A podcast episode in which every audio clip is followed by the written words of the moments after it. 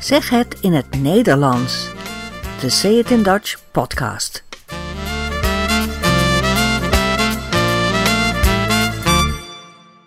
Nummer 4. Welkom bij deze podcast. Deze keer praten we over de bolle en het nationaal symbool van Nederland, de tulp. Je hoort ook twee liedjes en natuurlijk een radiofragment. Deze keer gaat het over de wolf die weer in Nederland gezien is. Veel plezier bij deze vierde aflevering van Zeg het in het Nederlands. Sinds maart van uh, dit jaar is de Keukenhof weer geopend.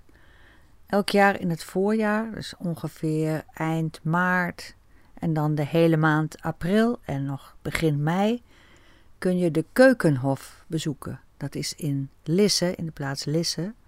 En het is de grootste bloementuin ter wereld. 7 miljoen bloembollen. Die worden ieder jaar gepoot. Bloembollen. Daarom zeggen we ook wel: we gaan naar de bollen. We gaan bloembollen kijken. En dan kijk je natuurlijk niet naar de bolletjes die in de grond zitten, maar je kijkt naar de tulpen of uh, narcissen of hyacinten, krokussen, alle bloemen die tevoorschijn zijn gekomen uit de bollen, die ga je natuurlijk bekijken. De Keukenhof is een heel belangrijke toeristische attractie. En ik moet eerlijk bekennen, ik woon mijn hele leven in Nederland, maar ik ben nog nooit in de Keukenhof geweest. Het is meer iets voor toeristen, denk ik. Over tulpen kun je heel veel zeggen en ze zijn het nationale symbool. Als je gaat naar een eh, website van uh, toeristische informatie of je hebt een folder of een boekje over Nederland, dan zul je altijd tulpen tegenkomen. Dus de tulp is het nationale symbool voor de toeristen, maar ook voor de economie. Want tulpen zijn een belangrijk exportproduct voor Nederland. Jaarlijks gaan er 2 miljard tulpenbollen de deur uit. 2 miljard. Natuurlijk zijn er veel liedjes over gemaakt. En een eh, wereldberoemd liedje is Tulpen uit Amsterdam. Als je het hoort, dan herken je het vast wel.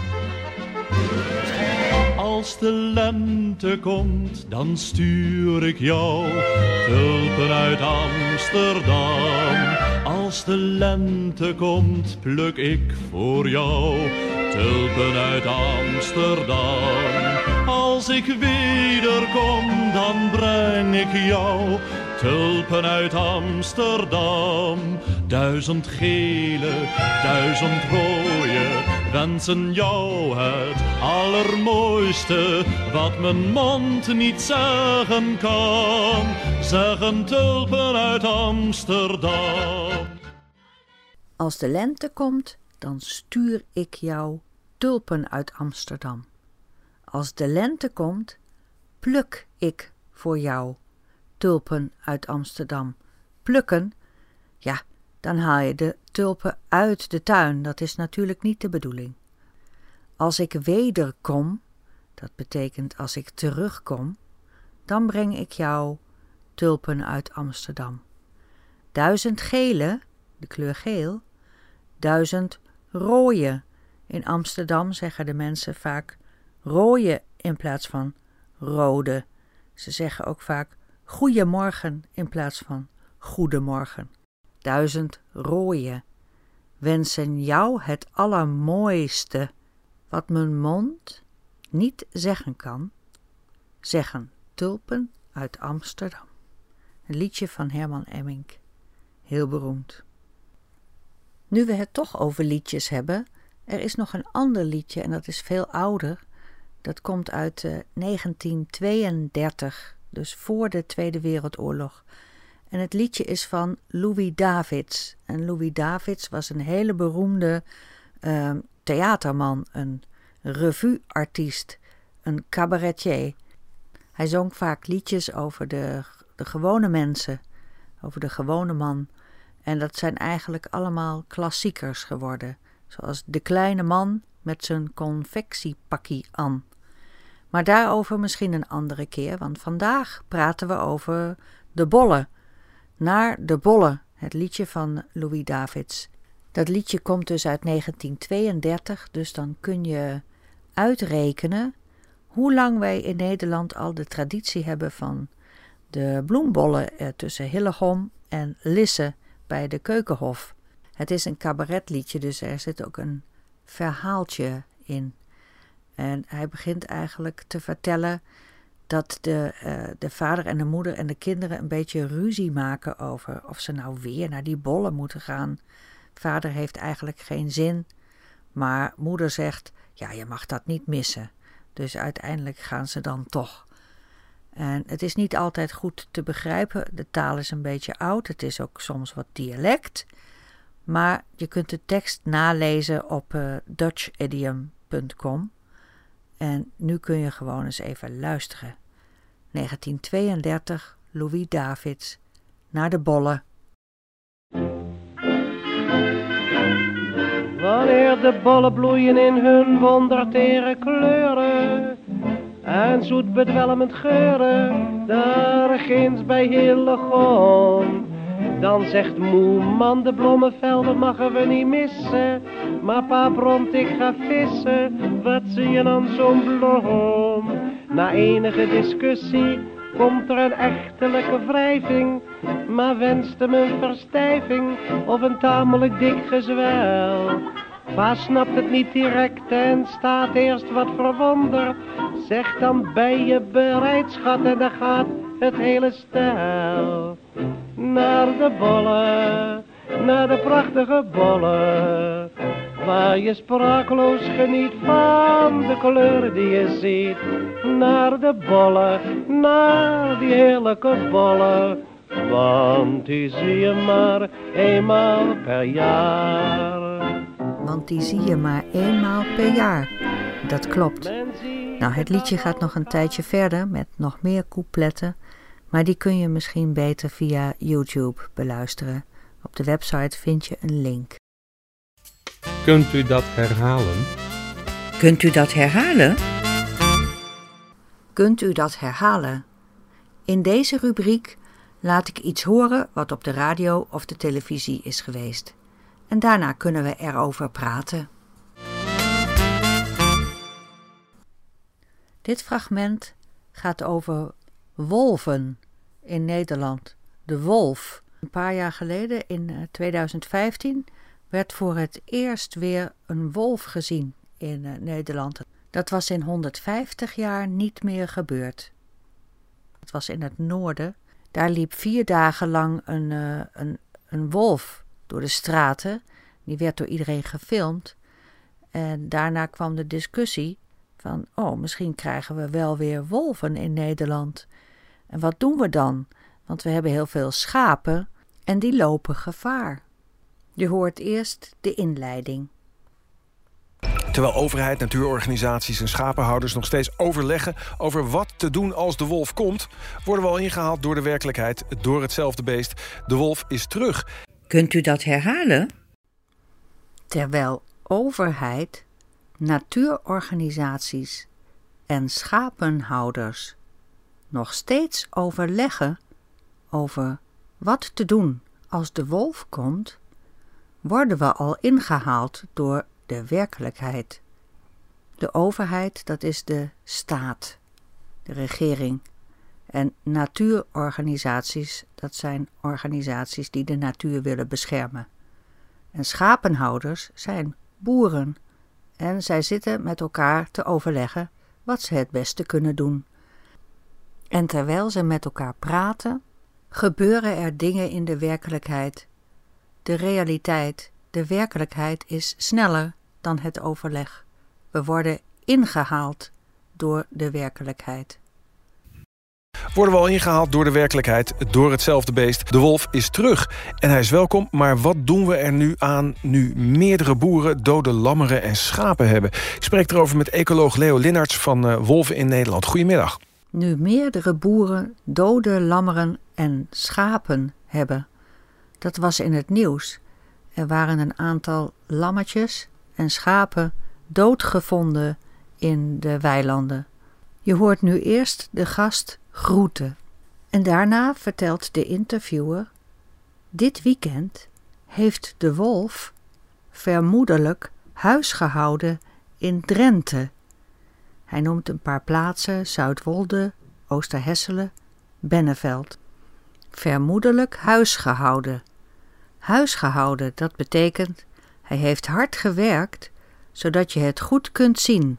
Hij heeft een chaos gemaakt.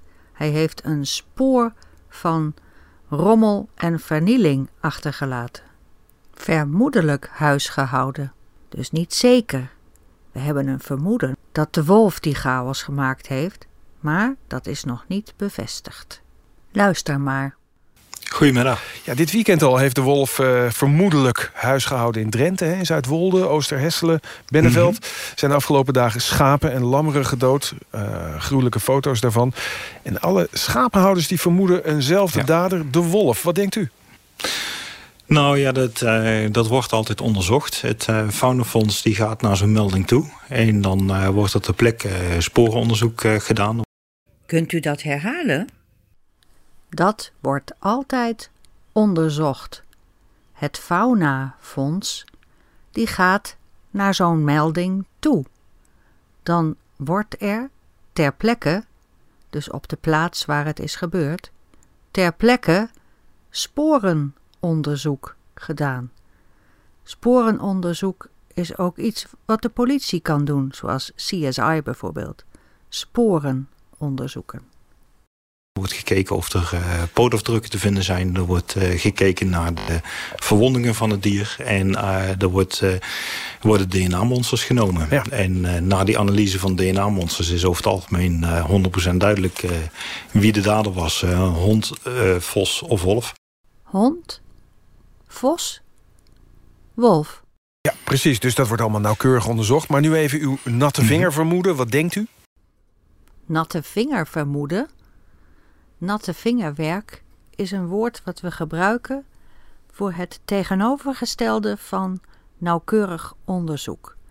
Dus je steekt je vinger in de lucht en je voelt waar de wind vandaan komt. Komt de wind uit het oosten, uit het westen? Dat voel je met een natte vinger. Dus dit woord gebruiken we voor andere vermoedens dan de wetenschappelijke onderzoekers. Nou, dat is uh, in niet in alle gevallen te zeggen. In sommige gevallen, ik heb een aantal foto's van uh, dode schapen gezien. Dan denk ik van, nou, dat is uh, echt een, een professionele kill. Dat is waarschijnlijk van een wolf geweest. Mm -hmm. Maar sommige honden zijn ook heel ervaren in het doden van schapen. En dan ziet het er bijna hetzelfde uit. Oké, okay, goed. En, dus je, een first guess is sommige foto's vrijwel zeker wolf, maar niet van alle. Hierna volgt een interview met een van de schapenboeren die de lammeren dood gevonden heeft in de wei. Wat betekent het nu als de wolf terug is gekomen? Dat zou eh, eigenlijk voor schapenhouders een ramp zijn. Dan kun je geen schapen meer houden. Want de opdracht voor de schapenhouders, en dat is gewoon heel moeilijk... om een afrastering te maken waar een wolf niet door kan. Dat is ondoenlijk. Een afrastering waar een wolf niet door kan.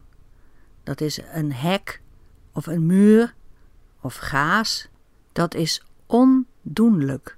Dat is niet te doen. Zegt u dan afschieten? Ja, afschieten is uh, heel cru, maar ja, ik denk dat dat de enige manier is. Het is de schapenboer of de wolf? Dat denk ik wel. Ik denk dat, dat we die keus moeten maken. Hè? Dat we gisteren gezien hebben dat er in één dag 14 dieren doodgebeten worden. Dat, dat, dat kan niet. Ja. Het is het schaap of de wolf, de schapenboer of de wolf. In de studio praten ze verder. De man van Wolven in Nederland heeft een andere mening dan de schapenboer. Luister maar. Meneer denkt dat er een harde keus gemaakt moet worden, of de wolf of uh, schapenhouderij. Mhm. Nou, in Duitsland is een lang en breed aangetoond dat als je preventiemaatregelen neemt uh, tegen de wolf, dat uh, wolf en schaap heel goed samen kunnen gaan. In Duitsland is al lang en breed, dat betekent uitgebreid, is al lang en breed aangetoond dat wolf en boer heel goed samen kunnen gaan. De man van Wolven in Nederland vindt de emotie moeilijk. emotie. Luister maar. Wat ik gewoon heel moeilijk vind aan dit verhaal is dat de emotie van de schapenhouders, die heel begrijpelijk is, en meteen omslaat van schiet de dier maar dood. En de emotie van een ander deel van de bevolking is van nee, absoluut niet. Oké, ze praten nog een tijdje verder en dan rondt de interviewer het gesprek af. Over drie weken dan horen we of er ook uh, in Drenthe daadwerkelijk een wolf heeft huisgehouden. Tot die tijd blijft dat dus nog even gissen. Hartelijk dank, ecoloog Leo Linnarts van Wolven in Nederland. Graag gedaan. We zijn aan het einde gekomen van deze podcast. Hopelijk heb je ervan genoten en hopelijk heb je ook een beetje geleerd. Mocht je vragen hebben of uh, reactie willen geven, stuur dan een e-mail naar info@sayitindutch.com en kijk op ons blog dutchidiom.com. Daar vind je meer informatie over deze podcast. Tot ziens!